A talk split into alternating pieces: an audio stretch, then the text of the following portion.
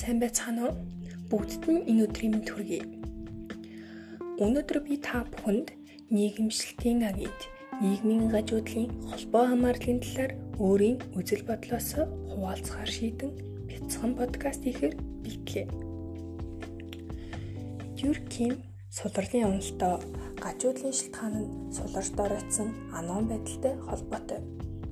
Өөрөөр хэлбэл нийгмийн эрс өөрчлөлт хямралын үед нийгмийн тогтсон хэм хэмжээ өөрчлөгдөж тэрхүү зохицол алдагддаг.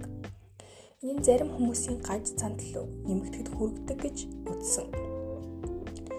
Тэгвэл нийгмийн гажуудл хийж юу вэ? Гажуудлын шалтгаан түүний үр дагавар чухам юу юм бэ?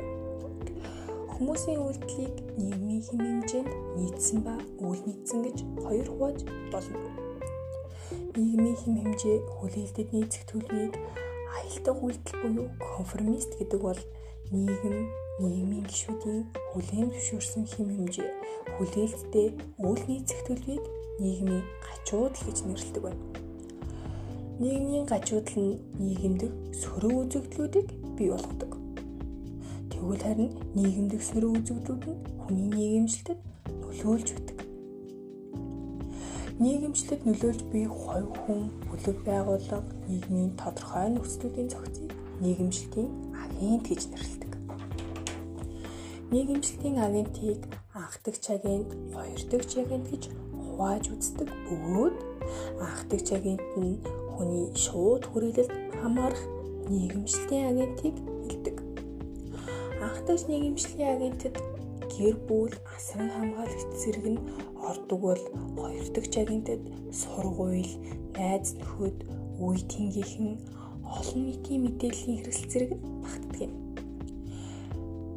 Тэгвэл эдгээр нийгэмшилтийн агентууд нийгэмдэх сөрөг үзэгдлүүдийг хэрхэн бий болгож байна вэ? Анхтай агентэд мэдээж гэр бүлийнхээ ойлголт хамгийн түрүүнд орох бөгөөд гэр бүл гэдэг нь эхнэр нөхрийн хайр сэтгэлийн харилцаан дээр үндэслэн эцэг их үр хүүхдийг багтаасан анхдагч нэг чинь хүн гэр бүлээсээ далаад хувийн хүмүүжлэг болж авдаг гэж үздэг. Өнөөдөр олон оронд гэр бүл салтын тоо өссөөр байгааг анзаарахгүй байхын аргагүй. Ихэвчлэн санхүү мөнгөний асуудлаас болон бусад шалтгаануудаас гэр бүлд болон харилцаанд дарамт, шахалт, хүчирхийлэл үүсдэг. Гэр бүлийн дарамт, хүчирхийлэл мөн эхнэр нөхрийн дарамт гэдэг нь гэр бүлийн болон ойр дотны харилцаанд хэн нэг нь хяналт тогтоох, дарангуйлахыг хэлдэг. Энэ нь тухайн гэр бүлийн гишүүдэд ялангуяа өсөж, хөгжиж, эд нийгэмшиж яваа хүүхдүүдэд сөрөөр нөлөөлдөг.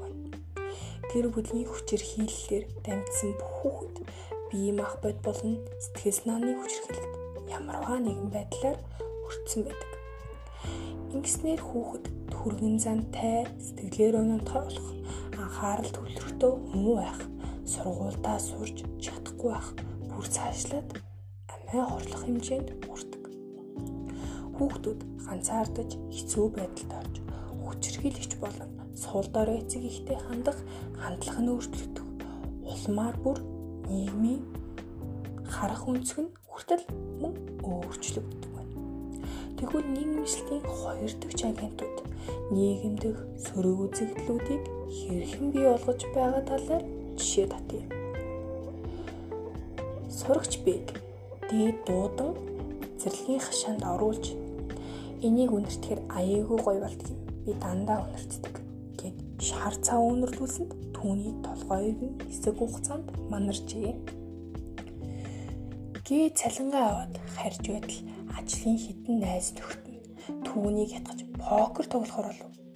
Үүр цайтал тоглосон дээрээ өглөө гэртээ харахтаа ээж аваасаа айж түшсээр явлаа. Учир нь тэрээр мөрөдөө тоглохдоо авсан цалингаа бүгдийг нь алдаж дээрээс нь их хэмжээний өрөнд орчээ. Гэх мэт олон баримт жишээ тохиолдлоо. Нийгэмд амьдрал дээр өрнөдөг бөгөөд итгэрээс гадна сүүлийн үед олон нийтийн мэдээллийн хэрэгслэр цацагдж байгаа гэмт хэрэг ёс бус үйлдэлүүдийн талаар баримт нь хүний нийгэмчлэлд сөргөөр нөлөөж нийгэм зөвшөөрөгдсөн хэм хэмжээг зөрчих талаар хүмүүст буруу сэтлэгдэг. Гэвч тухайн гажуудын үр дагавар заавал сөрөг байх албагүй. Энийг заавал сөргөөр харах нь өрөөлсгöd ойлголтой.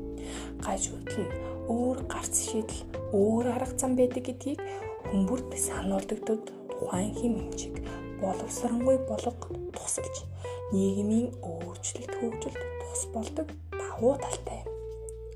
Хой хүний үлгэн өөрөө нийгмийн дутаг түүний байр суурь үүргээр нь тодорхойлогддог гэж үздэг шүү дээ. Тэгвэл тухайн байр сууриас үүдэн бий болсон заавал биелүүлэх ёстой хэм хэмжиг зөрчих, өөргөө ухамсарлахгүй байх. Мөн тухайн хүний хийх үйлдэлийн зөвшөөрөгдөж байгаа хэм хэмжээг зөрчих нь нийгмийн гажуудл юм аа гэж тодорхойлж болох юм. Нийгмийн гажуудл нь нийгэмдэх сөрөг үзэгдлүүдийг бий болгодог. Харин нийгэмдэх сөрөг үзэгдлүүд хүний нийгэмшилтэд нөлөөлж байдаг. Орвел Брим хэлэхдээ хүний нийгэмшилт бол насан турш дөрвөлжлөг үйл явц юм гэж хэлсэн байдаг. Тэгэхээр хүрээлэл зөв байж тухайн хүн зөв нийгэмшил учиртай юм аа. За бүгдээрэнд анхаарал тавьсан явдалд баярлалаа.